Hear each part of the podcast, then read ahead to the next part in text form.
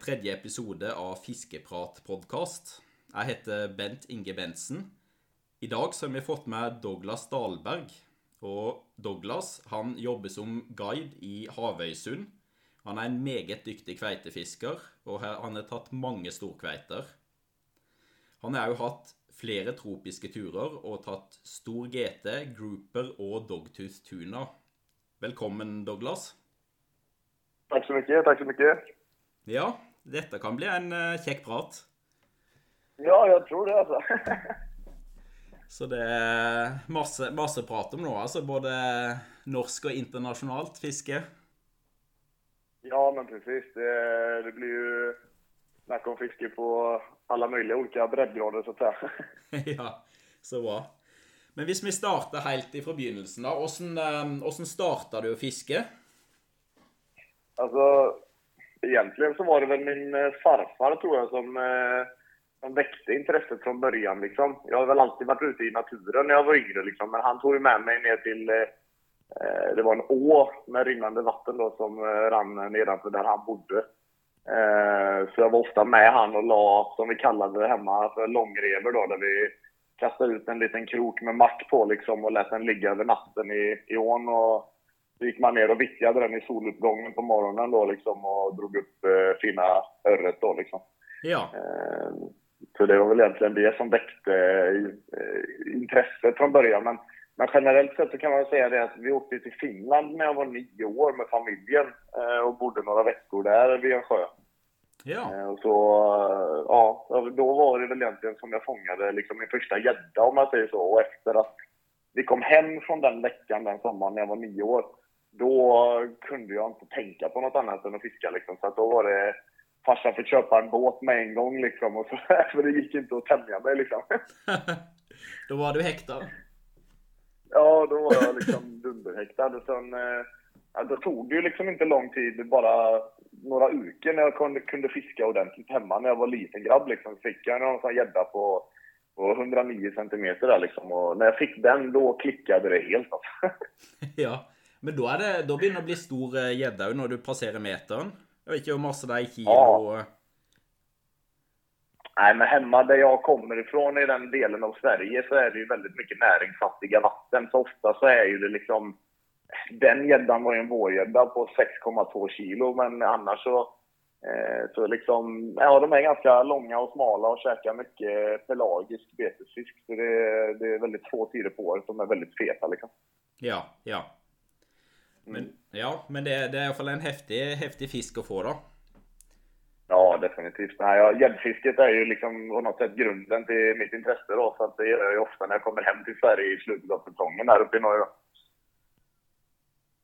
Stemmer, stemmer.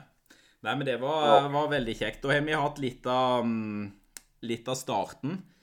Men jeg tror vi hopper over første spørsmål her. Eh, at du forklarer litt kort hvem du er og hva du driver med. Jeg har jo vært, kom Ja. inn på at du, du jobber som guide i Havøysund. Ja, men precis, precis. Nej, men precis. Jag jobbar, eh, jobbar som eh, guide på Nordic Sea Angling här uppe i Havöysund och eh, har väl varit här fast i Havöysund sedan 2016. Eh, och varit med, varit med i företaget i Nordic Sea Angling sedan jag var 15 år faktiskt. Så Så det är, det, är- ja, det har varit många, det är mitt äldsta år egentligen sedan jag, eh, sedan jag första gången tog med några kunder ut på havet om man säger så. Så du, det du sier, Men, at du var eh, bare 15 år når du eh, allerede å bli litt engasjert, da? Ja, det var första gången som jag kom upp och praktisera som vi kallar det då, liksom, när jag var uppe och prövade på det då. Ehm, och, och guidade och jobbade ihop med Erik Axnér då. Mm, mm. Eh, sen, har det, sen så spenderade jag ju bara mina somrar här uppe i början liksom. Men eh, annars så är jag ju heltidsanställd i företaget så jag kör mina säsonger här uppe och tar med folk ut och sköter kampen här uppe i Havörsund ihop med Andreas. Eh, och så, sen på vintern så blir det ju lite ja, marknadsföring och göra film och, och diverse sysselsättningar som att åka ner och hjälpa till på kontoret som ligger nere i Skåne då. Stemmer. Stemmer. Ja, Nei, for. Nordic Sea Angling er vel egentlig Er ikke Nordens største på sportsfiskereiser? At det stemmer? Ja, utan att ha någon liksom fact-check på det så är vi ju störst i Norden på det, är vi. Med, mm. eh, nu vet jag inte hur många resenärer vi har totalt på hela företaget på en säsong, men eh, vi kan ha runt 1300 gäster lite drygt på bara den kampen jag har här uppe. Ja, det, ja, så pass ja. Och det, och det, det som jag ska säga om, om det är ju att det är Det är väldigt kvaliteter i alla led. Det, för jag har ju varit, jag lurer på 10-11 turer. Uh, och det som är väldigt ja. bra, att du, har ju, du är skicklig båtar, skicklig camper, allt är på ställ då. Ja, vi lägger ju mycket fokus uh, på att att det ska vara bra från start till finish och att det inte ska vara... Eh, det, ska, det ska kännas proffsigt liksom. Eh, mm. Och det är ju en... Det är ju en väldigt eh, omständig business att hålla på med liksom eh, såklart. Men, eh, men jag tycker att vi har gjort en god jobb på samtliga kamper att eh, få en bra helhetsupplevelse och att man ska känna sig trygg när man är. Mm, absolut. Och det går ju lite på på sikkerhet òg, å ha gode båter och um, elektronik och att allt är på ställ då. Ja, men precis, precis. Eh, helt, helt klart. Så det är därför vi har ju även mekaniker i företaget, så vi alltid har en kunnig människa som kan eh, lösa problem så att man inte står i en situation där en eh, icke-mekaniskt lagd människa måste eh, lösa en väsentligt eh, problem, om man säger så. Mm, mm. Så, stämmer. Nej, men det... Mm det är spännande att höra. Nå, jag kikar lite på um, Gjorde ju lite efterforskning och kikar lite på Facebooken din. Och då sa ju det att du allerede på tidig, om, jag vet inte om du var 13 eller 15 år, så stod det att du tog, stämmer det, du tog 30 kilos kveiter, torsk på över 30 kilo? Ja, de årtalen där, det kan vara lite olika uploads kanske, men jag tror jag var, jag var 13 år när jag åkte upp första gången. Det var ja. ju så Norgeintresset eh, började om man säger så. Stämmer. Sen, eh, sen var jag väl typ 15 år när jag fick min eh, 33 kilos torsk ja. ja, det är vuxen störelse alltså. Ja, precis. Det var ju på de goda tiderna när vi hade, när vi hade kampen nere på Söröja, jag och farsan åkte upp som, då var jag ju gäst såklart då, med, med, när min pappa åkte upp och körde skrej för första gången. Stämmer. Är det parsen framdeles var... där på torsk eller är det, är du... Ja, den, den har stått sig. Den har stått sig. Det har inte blivit... Eh, jag, jag fiskar inte överdrivet mycket torsk själv. Jag guidar ju en del torsk, men eh, det blir inte att man fiskar så jättemycket, för det är många det är ofta många, liksom fyra, fem linor i vattnet och så är det lite stökigt och djupt och sådär. Så att det är ofta man står över och fiskar själv när man guidar torsken. Ja, ja. Och det ska ju sägas att 33 kilo är ju väldigt respektabel störelse oavsett på skrej. Ja, jag har ju inte... Det är klart jag älskar... Alltså det är ju någonting... Det spelar inte roll, någon roll vilken art det är riktigt. Så länge den är stor så är det ju spännande. Eh, men just torsk-PB det är ingenting som suger riktigt för att jag ska kriga till att försöka slå liksom. För att det blir ju eh, svårt eh, ja. här uppe. Ja, ja, ja. Men du snackar lite om starten, men hur var det mm, vidare i livet? Du, du eh, fiskar ju lite gädda och forskjellig i, i Sverige, men mellan det och du reste till Nord-Norge, var det lite inlandsfiske då det gick i, eller hur var det? Ja, alltså det blev en väldigt snabb transition till att eh, lägga fokuset på detta Norgefisket för att när jag, vi fortsatte ju resa där liksom, upp ja. hit. Eh, så att jag gjorde ju kontinuerliga resor när jag var liten där, 13, 14, 15 år och då när jag gjorde den skrejresan ihop med pappa så var, träffade jag ju Jimmy som äger Nordic Sea då, min nuvarande chef. Ja. Eh, då var han, då var han på plats och då var det en kväll där liksom på Söröja när vi satt och tjötade och hade det gött då liksom som Jimmy frågade mig att så, vad, vad ska du göra i framtiden och sådär. Eh, och då hade jag ju bestämt mig redan sedan jag var 13 år och var uppe första gången att jag skulle göra det. Jag bestod liksom, så det sa jag ju till honom. Ja. Att eh, ja, men jag ska jobba här. Och det tyckte han ju var intressant såklart. Så då frågade han om jag ville komma upp och prova på det den sommaren då. Och sen på den vägen blev det så fortsatte jag bara. Ja, det är inte dåligt. Och det, det är nog kanske den där besluttsomheten, da? At da skjønte han at du virkelig mente det, når du allerede da sa det? Ja, jag tror det, var, det var inte mycket tvivel i, i den meningen när jag sa att jag ska göra det här. Nej. jag var, jag var helt, helt, uh, helt fokuserad på det. Då, så att då gick jag ju sen på Forshaga Sportfiskeakademi i Sverige. Då. Ja. Uh, så att det var ju helt naturligt. Och då fiskades ju, alltså den perioden där under gymnasiet så var ju mina hela somrar här uppe i Nordnorge på olika och våra camper då och praktisera. Eh, men annars så var det ju gäddfisket som jag har pysslat med till 99,9% av min tid hemma och det har jag ju gjort eh, extremt mycket till tider. Eh, men nästan lite för mycket ibland när jag varit hemma. ja, men, men det är sånt som du gör nu om du är hemma i Sverige så tar du dig en tur efter gädda?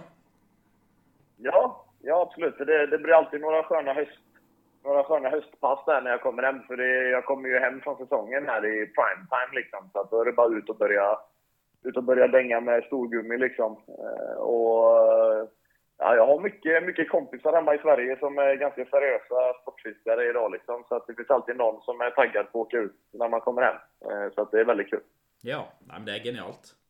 Och det som är hörs väldigt fint ut är ju att du nämnt faren din, att, det, att du har familjemedlemmar som är intresserade i fiske då. Ja, precis. Alltså det blev ju, så pappa var ju den dragande faktorn sen då när, när han fattade att jag var väldigt intresserad. För han tyckte det var väldigt kul själv. Mm. Så att han tog ju med mig ut och fiskade och skjutsade mig ut i sjöarna. Eller egentligen så var det väl varenda människa jag kände ungefär när jag växte upp fick ju hjälpa mig att skjutsa mig ut i sjöarna innan jag kunde köra någonting själv då. Mm. Eh, men eh, sen så tog ju pappa med familjen som sagt upp hit då. Och det var ju det som var öppnade liksom alla dörrarna när jag insåg att fan, jag kan ju jobba med det här liksom. Ja. Artig. Er de fremdeles fiskeinteressert? At det hender de kommer på besök, eller? Hva sa du nå? Eh, familien din, er de fremdeles fiskeinteressert? At det hender de kommer och besöker dig i Havøysund?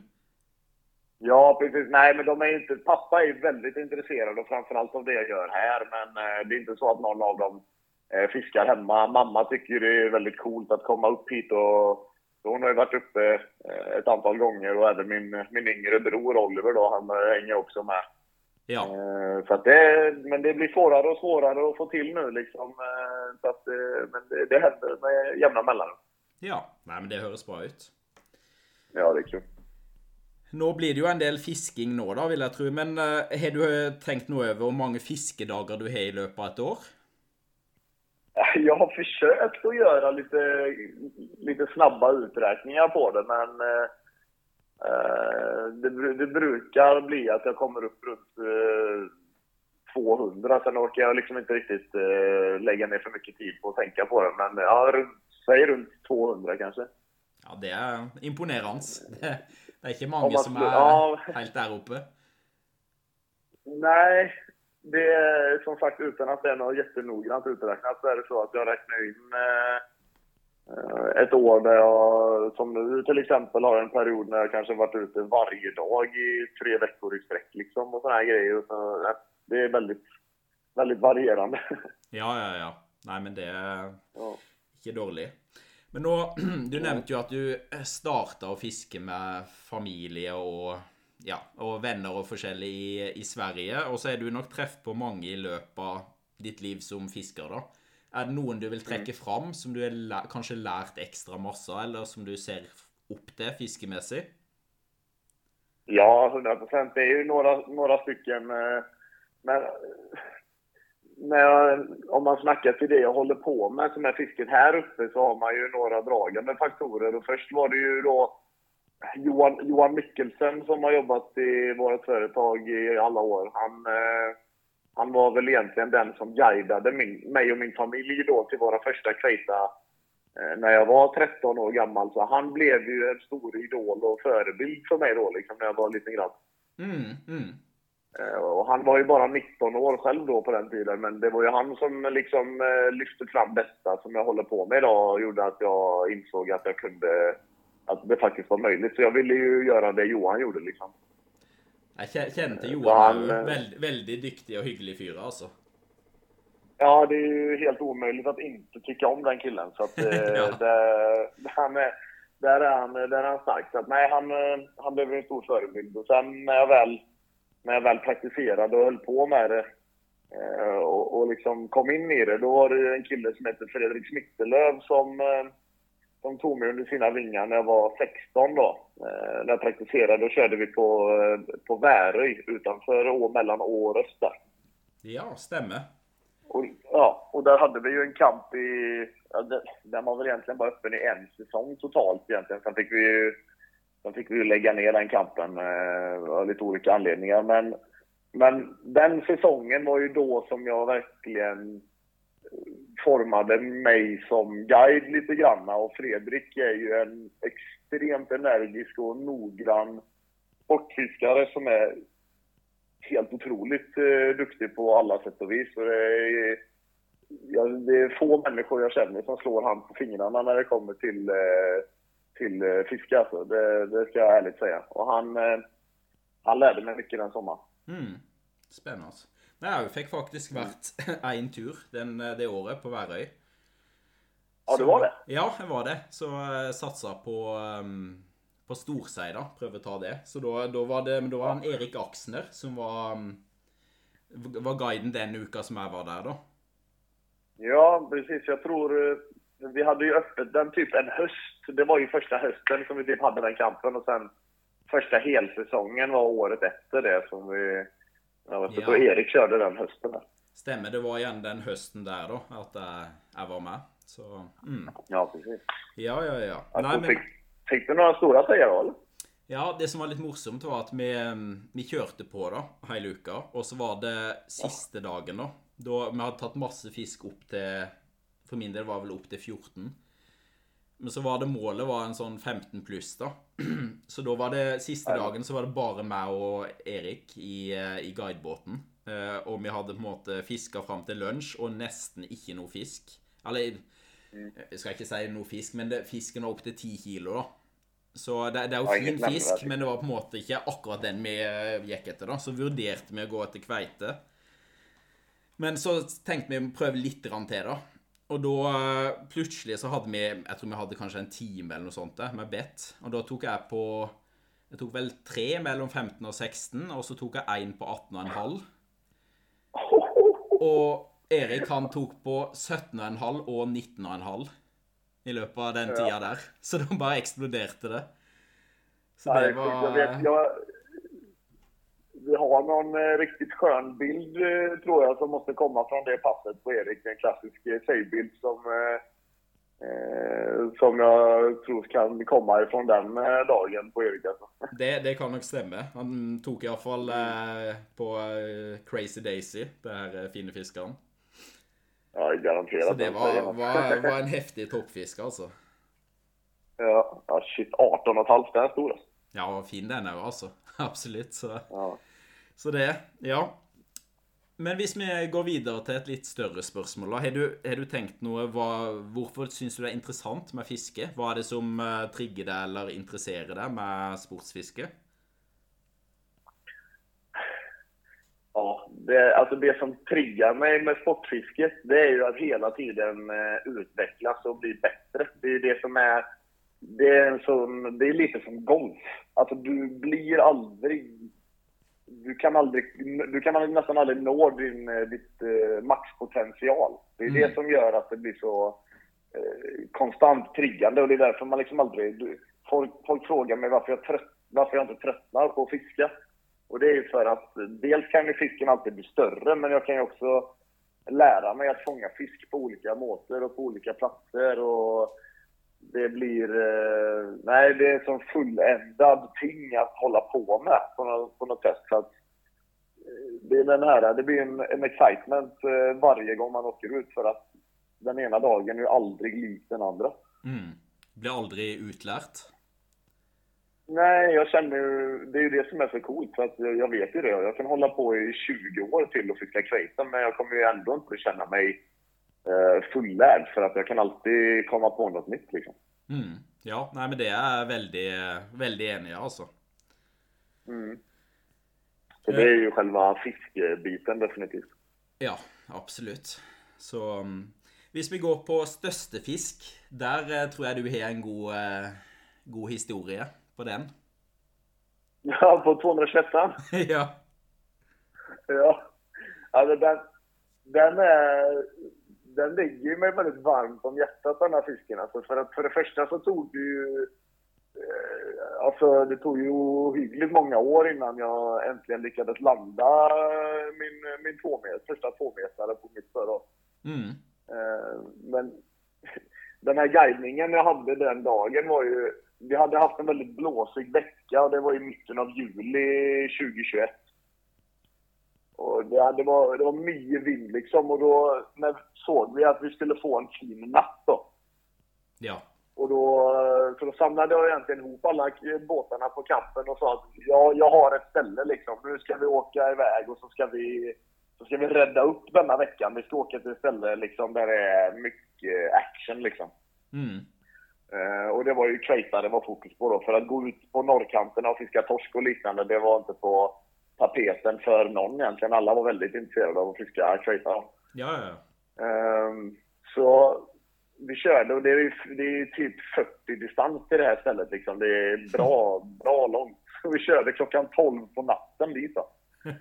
Ehm, och så körde vi på där eh, runt den här lilla ön i den här fjorden och och när jag kommer fram så, vi har inte varit där på flera år eh, på det här stället för att det är så långt bort då.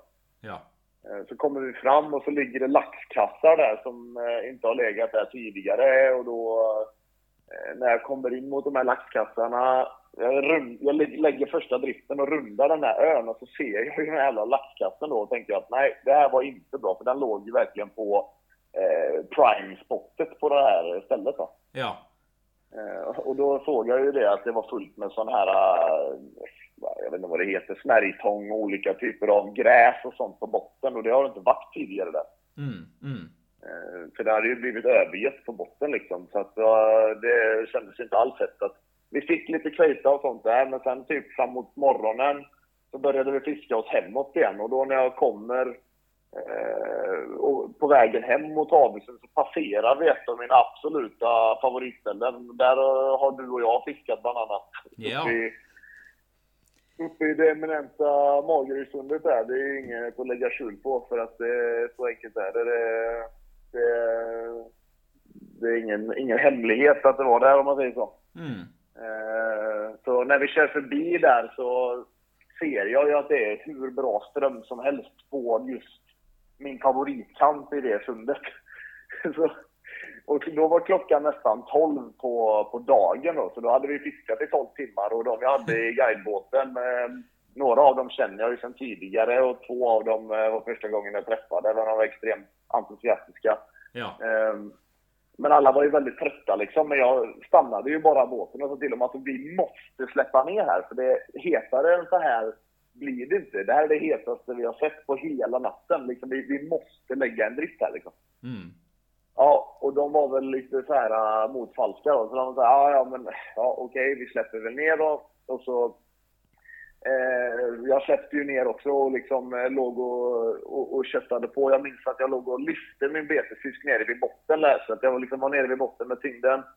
Lyfte spöet upp eh, någon meter liksom och så sakta ner. Så stod jag och körde så hela tiden och så höll jag på att tagga igång alla och sa liksom att det kommer bara smälla nu liksom. Mm. Men de satt ju, de satt ju och halvsov lite grann då om man säger så. För att eh, de var ju var väldigt trötta. Ja, ja, ja. Och ja, typ 10 minuter in på den driften som gick lite sakta in i sundet där så sög vi ju bara i liksom på mitt spö. Och då, då så, sa jag ju, så man hör ju det på filmen, jag säger ju till dem när jag väl får kontroll på fisken och känner tyngden för första gången eh, att fan boys, den här, det här kan vara mitt TV liksom. Den här, är- den här kan vara över 100 kilo liksom. Mm. Och då, eh, då var det ju bara så här, de, de sa allihopa bara fan, kör nu för helvete liksom. Så att, äh, det var en cool upplevelse. Ja. Nei, for det er jo Kan du vel Når du kjenner at det er stor fisk, da er det blant annet at du er- merker at det er store hoderistninger og, og en generelt stor tyngde, da, kanskje? Eller var det andre ting Ja. du kjente det på? Nej, jag, det var ju bara... Alltså, alla de stora fiskarna är ju verkligen så att när du, när de stannar för första gången Mm. och du ska börja liksom lyfta fisken. Då märker du verkligen om den är eh, stor eller stor-stor. Ja. när, när du ska försöka flytta den. Men sen när du får headshaket i näven när den lyfter på huvudet, då är det inget snack längre. Och det var ju det som hände. För när jag fick det första headshaket, då kände du ju liksom riktigt hur lång den var då. Mm. Mm. Så att eh, det, det har man väl egentligen lärt sig att se på gästernas spön också ofta, som med headshaken. Det är ganska, ganska ofta du liksom säger av ren reflex här bara åh det här kan vara en 170 liksom och sen så är det typ 170-175. Det är ju det är väldigt ofta det händer liksom. Mm, mm. Men så så, jeg så Du la ut video av dette òg. For du, det var jo eh, Vanligvis så har en jo nok med å bare å kjøre fisken. Men du kjørte jo i tillegg båten der, du, samtidig som du fighta fisken. Ja. det ligger ju lite, nu har jag gjort det tidigare. Jag fick ju övat jäkligt mycket på det under 2020 när jag var ute och spelade in lite Youtube-filmer och fiskade kveita på egen hand då. Ja. Ehm, och fick ändå...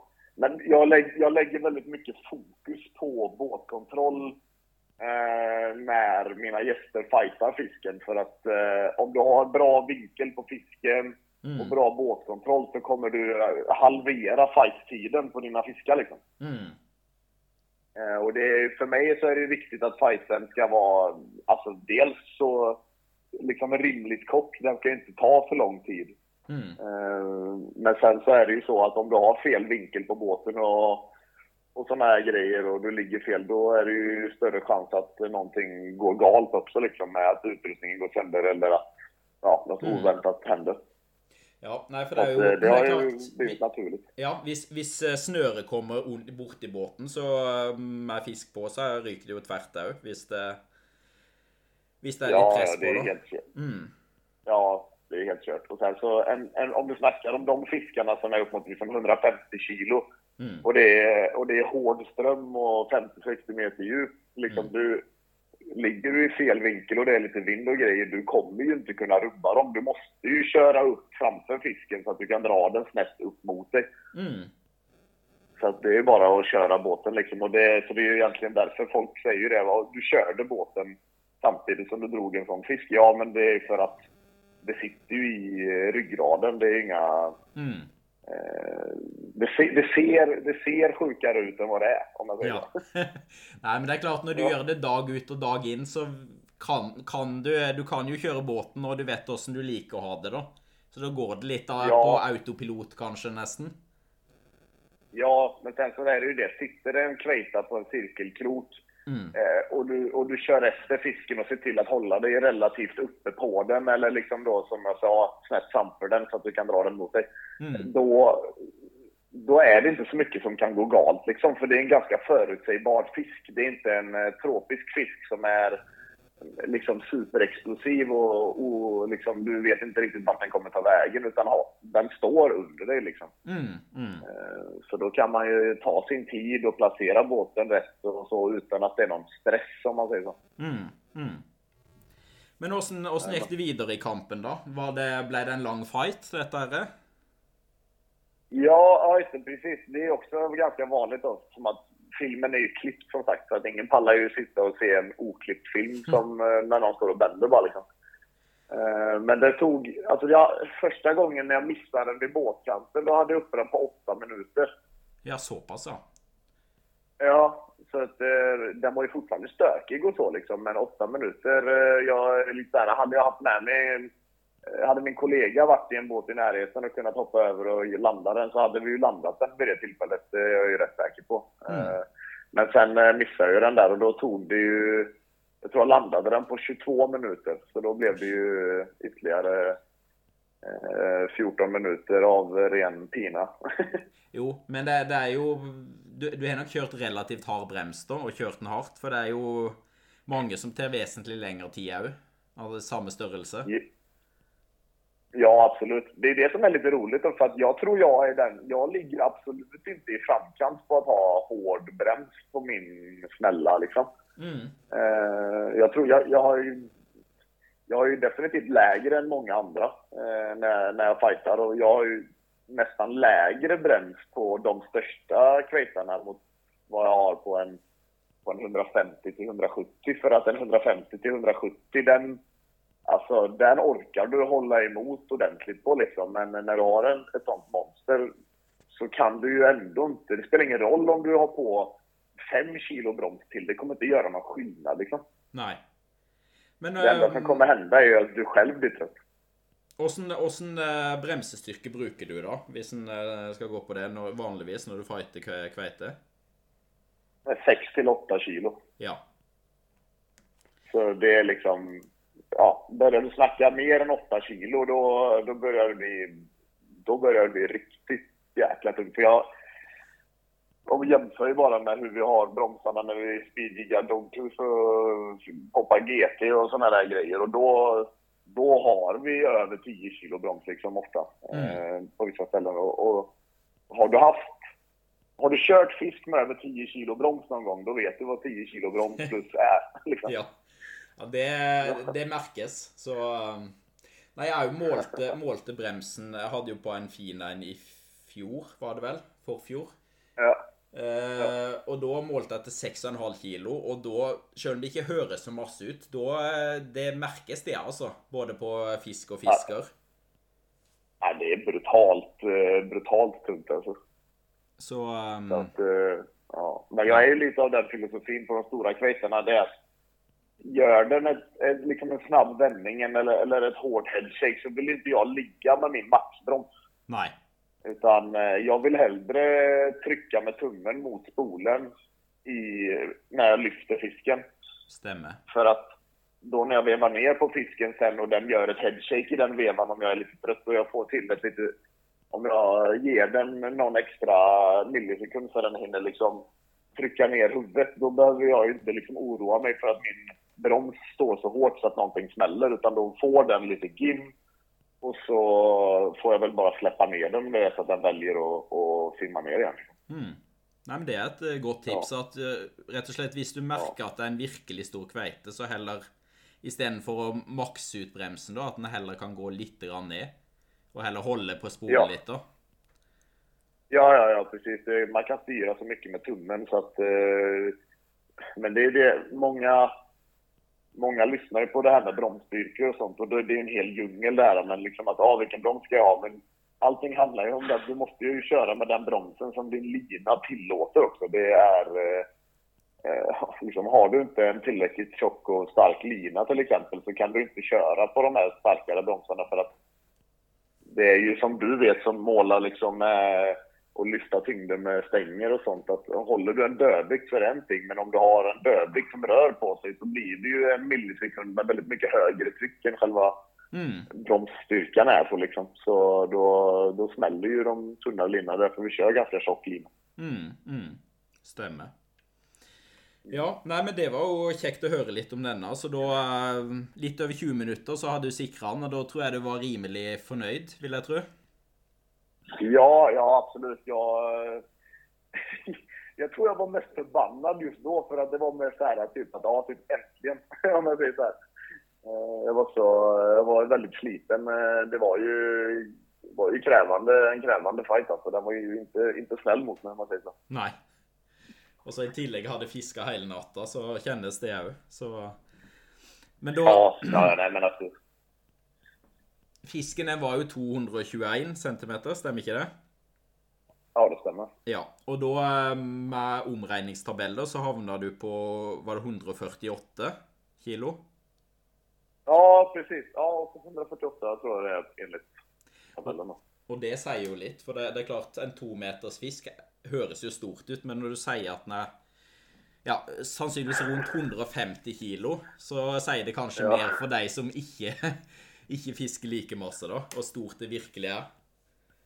Ja, ja, ja absolut. Det, är- det är ju alltid om någon som inte fiskar kajsa större så stör de ju hur tung den var liksom. Så, Ja. ja. Nei, men det er, det er litt av en toppfisk. Men hvis, eh, Ja. hvis man skal spørre om største fiskeopplevelse, da, er det samme opplevelsen, eller vil du trekke fram noe annet?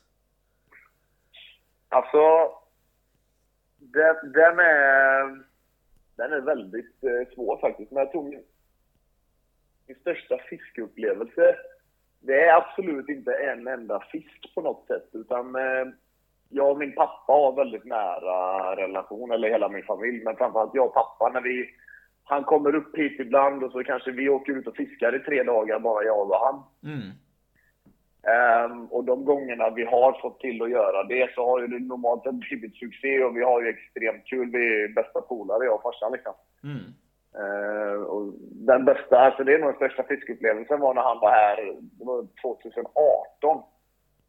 Och då kom han upp i slutet av juli och så skulle vi köra tre dagar och på den tiden hade inte han fått någon, 100, eh, någon eh, över 150 centimeter. Nej. Eh, så det var ju målet. Vi skulle bara ha en fisk och det skulle vara 150 till farsan liksom. Ehm, och då alltså, råkade jag ju snatcha en 177 första dagen. Mm. så det var ju såhär, ja fan den skulle ju du haft, ja men vi tar en till liksom. Eh, men sen eh, senare den dagen fick han ju sin 150 eh, då. Och den, den var exakt 150 och den tog både hans och min betesfisk samtidigt. Så pass ja. Så, men det roliga var ju det att den, den körde iväg på hans, på hans spö först, så han fick ju en rusning. Mm. Och mitt i den rusningen, då rusade det iväg på mitt spö. Och då tar jag den och så börjar jag rusa och så, så trodde vi att vi hade dubbelhugg fram tills den stannade och gjorde tre headshakes liksom. Och då insåg vi att det är samma fisk liksom. ja, det är sjukt. Um, ja, så då fick han den, för den, vi säger att den tog hans betesfisk först. Men uh, det som hände var ju det att två dagar senare drog vi ner till det stället igen då. Och då hade vi en helt sinnessjukt bra dag liksom, där vi drog han drog en 168, jag drog en 163 och sen så tappade vi tre stycken riktigt fina och fick, eh, ja, fick typ sju stycken till över 130 cm eh, upp till 150. Så vi hade ett sånt riktigt race då. Och då var det 30 grader varmt och spegelblankt hav. Och vi drog storkröjta som aldrig förr där liksom längs en kant. Och då, det, det måste vara överlägset vara den bästa fiskeupplevelsen. För vi vi bara gapskrattade en hel dag och liksom njöt och hade det så underbart på havet. Ja, det, då känner jag gott att detta är en, det är en upplevelse du huskar resten av livet då. Ja, ja visst. Och den, eh, den dagen, den, den kommer alltid följa med som ett sånt minne man tänker tillbaka på när man har en kall, regnig, blåsig dag på havet med, med segt fiske liksom. Då kan man sitta och bara drömma tillbaka på den dagen och känna att liksom bara, ja men det, liksom, det blir gött snart. ja. Och så inte minst att ha ja. mängdfiske på 150 plus. För det är ju inte, ja, men, det är ju inte vanligt. Nej, och det, det, det, var bara en sån dag som liksom typ eh, händer bara väldigt sällan. För att det är en kant som... Eh, det är en kant i ett sund där jag liksom aldrig har haft bra fiske. Ja. Men, men, så på ren slump så hittade vi den där 150 an första dagen där och så kommer vi tillbaks dit två dagar senare och så är det bara helt locko. Det, var, det var fisk i varje drift liksom. Ja, ja, ja. ja. Och så stor fiskar. På, så, ja. ja, medelvikten var ju helt eh, sinnessjuk den dagen. Liksom. oj, oj. Artig. Mm. Men visst du, har du någon sån speciell eh, fiskeupplevelse? Någon rara fångster eller ett eller annat sånt som du har lust att dela med oss? Ja, men då kan vi ta en som hände nyligen. Alltså när man fiskar hälleflundra mycket, och framförallt här uppe, så får man ju inte så jättemycket konstiga grejer liksom. Framförallt inte om man släpar omkring på bra betesfiskar och sådär liksom. Mm. Ehm, men när vi var nere i Madagaskar nu i, i, eh, i slutet av februari detta året. då, då står vi och speedjiggar ute på ett drop-off. Ja. Och så är det en gäst som är med mig på resan som... Eh, han, jag tror inte han märkte att han hade kommit ner till botten än, för vi jiggade på typ 150 meter. Så jag tror, jag tror han missade att han nådde botten liksom. Ja. Så när han väl började veva sen så hade han ju någonting på som inte drog någonting. Um, och, och liksom så här, han blev ungefär som när du får på en lugn när du fiskar ur om någon har gjort det. Liksom. Så är det så här, åh nej. lite samma känsla då. Så kan vi veva upp den där. Uh, och vi tänkte ju att det var någon liten ja, refisk eller whatever. Och så upp kommer en stor bläckspruta. ja, så pass ja.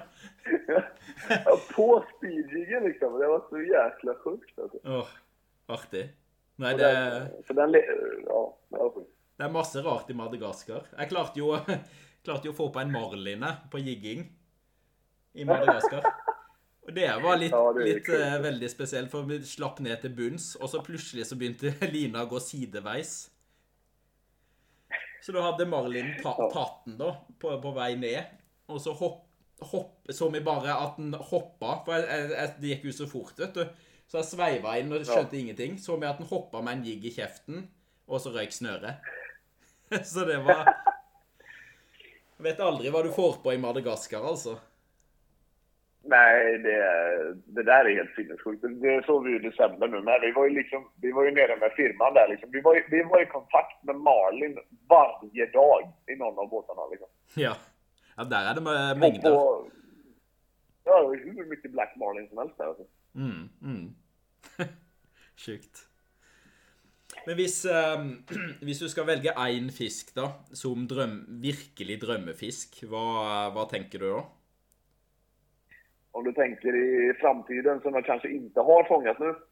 Ja, enten som du ikke har fanga, eller på en måte en virkelig stor en art som du har, allerede har fanga, eller Ja, alltså, jag har fortfarande någonting otalt med en eh, stor GT över 50 kilo. Så att det är ju det som är... Den står ju kvar på bucketlisten alltså. Ja. Ehm, för att självklart den här äh, monsterkvejtan över äh, 250 liksom, den, den ligger ju där. Men om det, är inte, det är ju någonting, eftersom att jag hela tiden tänker på den varje dag så blir det ju på något sätt att det jag drömmer om, förutom min vardag, så är det ju den här GT'n över 50 kilo som alltid eh, nu har jag kanske inte varit i kontakt med någon över 50 än, men de största jag har varit i kontakt med, de kommer undan på ett eller annat sätt. Liksom. Mm. Nei, det er langt mellom de virkelig store, altså. Så, Ja, men ja, eh, det är det som blir så... plutselig så sitter de. Jeg hadde jo med en til Andaman. På hans første GT-tur så tok han en 50 kilos. Så det, det kan skje. Ja, det, det är ju det som är grejen liksom. Man, eh, de fiskarna, det är det krokaren kvejta är en till, men att kroka en stor GT och ladda den, det är, det är en helt annan värld. Liksom. Det er, det er utrolig brutalt. Jeg husker jo ba- Bare når du fikk eh, min første tur her, når du fikk sånn 5-10 kilos Du, ble, du trodde jo ikke størrelsen når du så dem kom til båten. När, när de hugger poppen eh, och när du ska kroka den fisken första gången, du, man fattar ju liksom inte att det är sånt tvärstopp. Ja, nei, det er ganske sjukt. Så Nei, men det den, eh, den kan være veldig enig. Altså, en GT på 50 pluss, den, eh, den henger høyt. Ja, den hänger väldigt högt där. För hade det inte varit för att jag fick min eh, Doggy i höstas, då hade det varit Doggyn. För Doggyn är, i min åsikt, eller liksom personligen, så tycker jag ju speedjiggingen på stor Doggy är det absolut roligaste som finns i hela världen, förutom att fiska efter eh, stor kveita liksom. Mm. Ja, for det er, det er virkelig brutalt. Så Ja. Så, men jeg lurer på om vi skal komme tilbake igjen til det etter hvert, da, når vi kommer til Ja. snakke litt om tropisk. For da, da er det Ja. nok å prate om der òg. Ja, det, det är lätt att snurra in på det spåret där. ja. Ehm, det jeg lurer på, er, har du et godt fisketips? Eller har du noen tanke om hva, hva den der største feilen folk gjør når de skal fiske? Hva det er? Ja, och, alltså om man ska bryta ner det lite grann för att inte det ska bli för att det ska bli enklare att svara på frågan så kan jag väl egentligen säga så här, största felet man gör när man fiskar schweiza. Eh, och det kan ju, för att, och det är väl egentligen det att man, alltså det är så enkelt som att du, du tror, du måste, du måste tro på det som du gör och det kan vara allt ifrån att du åker till ett ställe som du har fått tips av guiden då, liksom att guiden, till exempel jag, har sagt till dig att men, åk hit och prova. Mm. Eller om du är, är eh, ute på helt egen hand, att du är ute på något ställe i Norge på, på egen hand och fiskar krejta. Ehm, och då åker du ut till ett ställe och börjar fiska efter kveita. Du liksom, det är inte så att du vet nödvändigtvis hur man fiskar kveita, men du släpper ner en jigg och börjar släpa längs med botten och, och, och jigga upp och ner. Oavsett hur du nu än gör, så det största felet de flesta gör det är att de åker ju därifrån alldeles för tidigt. Mm. Som åk inte ifrån spottet. Det är ju det, jag säger ju det till folk varje vecka liksom att åk inte därifrån. För att vi har ju, ja, nu är det har, vi har ju tracking-system i våra båtar här till exempel. Mm. Eh, av, eh, ja, en av säkerhetsgrejerna vi har i våra båtar. Att jag och mina, alla, alla på företaget egentligen kan ju kolla upp exakta positionen och så på våra båtar. Eh, och då är det ju så att jag kan ju se hur man har dristat och hur länge man har varit på spottet. Så att när jag har gett folk ett spot så kan jag ju se att de kanske åker in och lägger en halv drift i tio minuter och sen så åker de två distans därifrån. Mm. Och sen säger till mig då att nej men det var inte bra där. Det, men, ja, men hade du fiskat där i sex timmar och inte fått en enda kveita. Då kan du säga till mig att då var det inte bra. Men Mm. har du inte varit där i mer än tio minuter eller, eller om så vitt en timme liksom. Mm. Då är, då är det inte så mycket annat än att eh, du spenderar alldeles för lite tid på stället. Så att väljer man ett ställe själv, även om det inte finns några bevis på att det faktiskt är bra på kveita, så måste du fiska där eh, under flera timmar utav ett tidvatten. För att det, inte alltid det är bra ett helt tidvatten och det är inte alltid det är bra vid samma tidpunkt av ett tidvatten varje dag. Mm. För att tidvattnet förändras ju med månfaserna. Så att du kanske var uppe året innan och hade ett kämpefiske på stigande man på det flaket. Mm. Och så kommer du upp året efter och så åker du tillbaks till det flaket och fiskar på stigande man där igen. Men du kanske har en helt annan månfas och det kanske är ett helt annat år. Det, som nu i år har vi en sen sommar, förra året hade vi en tidig sommar. Det är så många olika parametrar som gör liksom vart fisken står och om den faktiskt kommer vara aktiv. Liksom, så att, eh, man måste verkligen eh, ge ställena en ordentlig chans Mm. för att eh, lyckas. Vär tålmodig. Ja, det är återigen det här jäkla tålamodet. Alltså. Mm. Ja, ja, men det går igjen det nesten uansett eh, Ja. hvilket fiske det er. Jeg spurte jo det i, i første episoden òg med ørretfiske. Da var det tålmodighet og på en måte bare fiske på, da. Som gikk igjen på det fisket òg.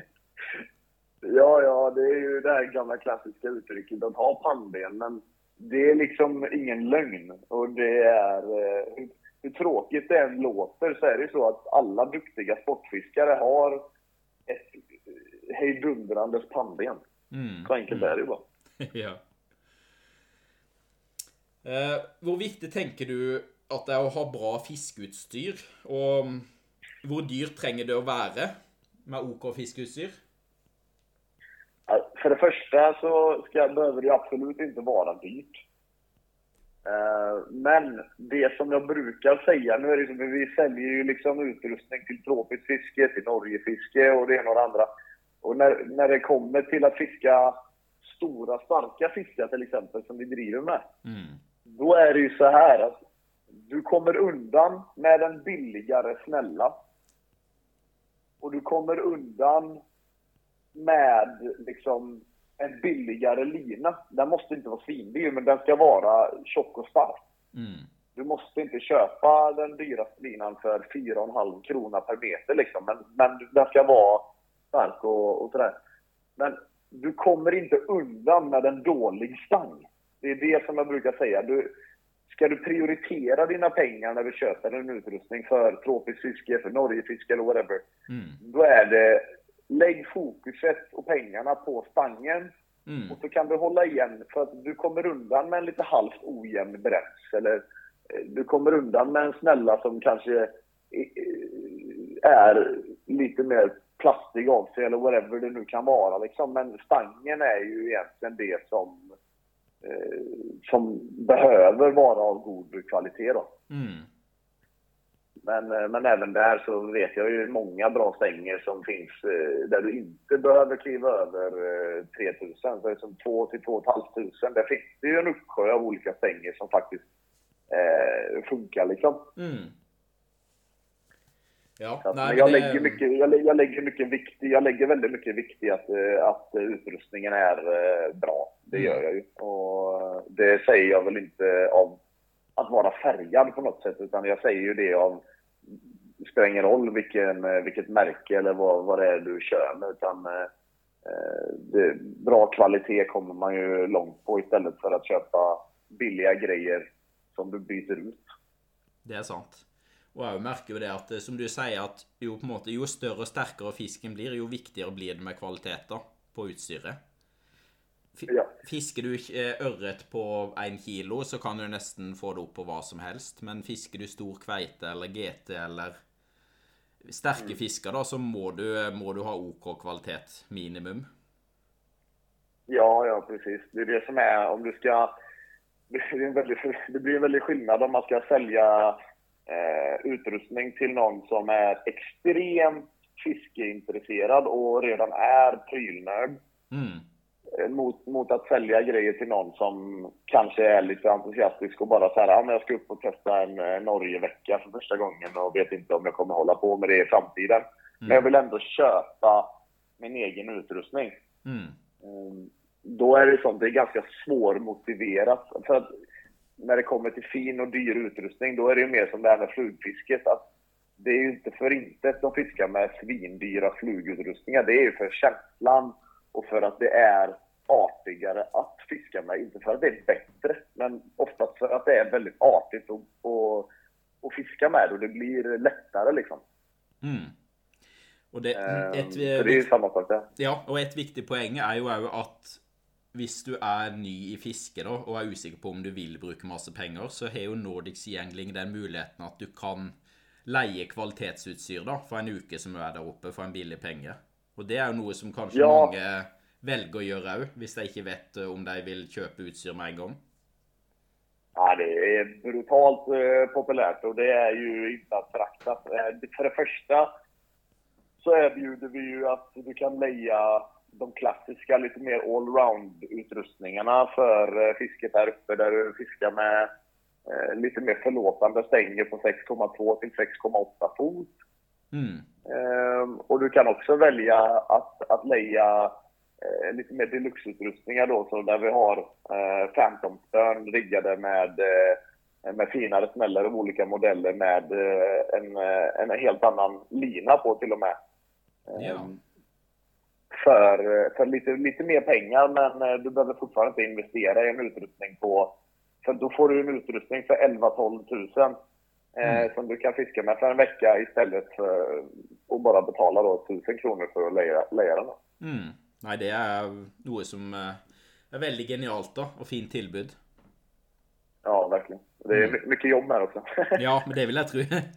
Service på sneller og bytte snører og Det er masse å gjøre, sikkert. Ja, det är som, nu har vi ju flera veckor i år, men vi har haft ute liksom 25 utrustningar liksom, så det är, det är mycket jobb. Alltså. Ja, ja, ja. Er det noe fiskeutstyr som du mm, nesten alltid har med på tur, som du vil trekke fram? Eh, som i stänger och snällare där tänker du? Ja, eller på en måte om det er noe tilbehør eller noe sånt som du eh, tenker alltid er praktisk å ha med, utenom det vanlige? Ja, ja. Nej, alltså. eh, För det första, en god splittringtång, det är ju liksom min tredje hand. Den sitter på midjan och jag har den till liggandes i väskan. Jag har alltid med mig en god splittringtång. Ja. Eh, det är ju det viktigaste nästan. Eh, men sen så är det ju liksom en bra kevlarlina egentligen så att man inte behöver knyta sina... För nu är det ju så att om du jiggar hälleflundra, vilket vi gör en hel del, Mm. så använder vi ju en stingerkrok längst bak. Mm. Vilket, vilket är i min värld väldigt, väldigt viktigt. De, även många av de stora fiskarna sitter på stingerkroken. Eh, Mm.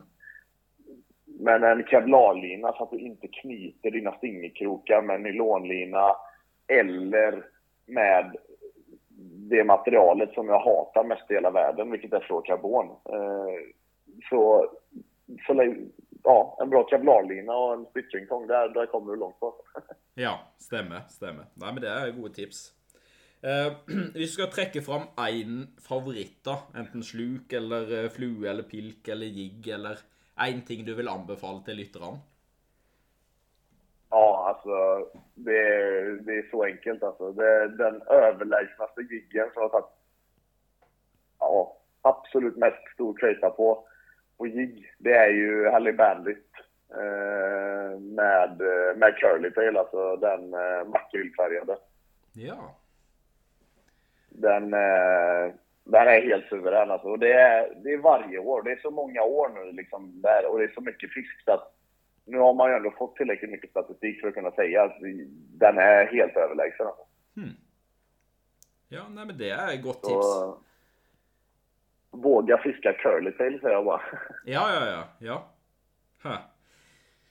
Eh, Men tenker du at det er viktig å em, variere fisket og tenke litt annerledes iblant, eller kjører du mer, mer på det som funker til vanlig? Nej, jag tror... Alltså, med tanke på att jag blir äldre och att jag har hållit på... Det börjar bli några år nu, så tror jag jag blir bättre och bättre på att, att gå utanför min comfort zone. Eller så är det så att min comfort zone blir mycket bredare med åren. Mm. Eh, och så tar man ju liksom, eh, man lyssnar på vad som händer lite runt omkring och vi har ju som sagt fyra kamper. Så vi kan ju ta lite lärdom från vad som funkar för tillfället på andra kamper och sånt. Men jo, jag vågar nog ändå liksom prova nytt i den måten att det inte är allt för crazy om man säger så. Mm. Det, för det, det, det svåraste med det hela är ju egentligen det att du är ute och guidar. mm. Och det är ju inte många av guidningarna som är så som kanske jag, alltså exempel, jag har en grej den här dagen så hade det varit så jäkla hett att ligga på det området och köra, köra kveita där. Men med de här kunderna så, så kan jag inte göra det för att de har de här önskemålen och veckans väder ser ut så här. Så det är ganska sällan man, man kommer till det tillfället när man kan testa nya ting också. Mm. Så Ja. jag kan inte, jag kan, jag kan inte gambla med folks eh, fiskedagar för vi kanske har ett begränsat antal bra dagar på en vecka och så har de de här målen med resan liksom och så vet man det att okej men gör vi det som jag aldrig har gjort innan och jag chansar på det så kanske vi tappar en hel dag på det liksom och då, då får man ändå eh, vär- värdera många gånger om igen om Mm. det är värt att göra. Mm. Ja, men så er det kanskje noen ganger at du vet at folk er litt gira på å prøve noe, da. At da kan det være eh, mulighet. Men det, det er vel heller sjeldnere det, kanskje. Ja, ja, absolut. Nej, men alltså är folk taggade liksom så, så kör man. Eh, Men eh, nej, man har, jag har en eh, god del spots liksom som ligger där och gnager som man längtar till att få, få liksom, tillfälle till att prova ordentligt liksom så att man inte bara drar dit och testar två, tre drifter och sen måste dra liksom. Så att, eh, ja, nej det... Man har några sådana planer som ligger i bakhuvudet. Eh, Så får man se när man får läge att göra det. Ja, ja, ja. Stemmer. Det er jo en del som mener at fiske stort sett handler om flaks. Hva tenker du om den påstanden? Och så här fiskeflax. Ja, At det er flaks? At det, det er stort Ja. sett tilfeldigheter eller flaks om du får fisk eller ikke? Er, er, du, er du enig i den påstanden? Nej, alltså, det är, den är så sjukt svår att svara, svara på. Men mitt ärliga svar skulle väl vara nej, det är inte flax. För att eh, det är inte så att man blundar och kör båten ut på havet och stannar. Liksom. Nei. För eh, hade jag, hade jag kört ut utanför uh, Havörsund här med, med ögonbindel Mm. och liksom stannat efter 10 minuter och släppt, eh, släppt ner. Om vi skulle få fisk då, då är det ju 100% flax, absolut. Men Mm. eh, med tanke på att man hela tiden planerar, planlägger drifterna och, och hela tiden har en tanke med det man gör, så bara det gör ju att det inte är flax. Mm. Ehm, Så att så länge du har en tanke med det du håller på med liksom och sådär, så, så tycker jag inte att det är flax. Då. Nei, og det tror jeg egentlig går igjen litt i de aller fleste typer fiske, da. At de som virkelig Ja. går inn for å få fisk, de legger så masse energi og eh, tanker bak hvordan de skal fiske, da, at da Flaks vil jo alltid spille en liten rolle, da, om fisken biter eller ikke, men det blir mindre og mindre jo mer eh, engasjert du blir da, tenker jeg. Ja, men jag är helt med på det. Alltså, absolut. Eh, och, och man kan ju bryta ner det så här. Okej, vi ska börja att köra det stället där. Och om inte det funkar så drar vi dit. Och om då du får fisk på det första stället och, och, så liksom kan ju många säga att ja, men det var ju flax att du fick fisken där då. Men ja, då, det, det, mer än så kan jag inte bryta ner den frågan tror jag. Nei, det er sant.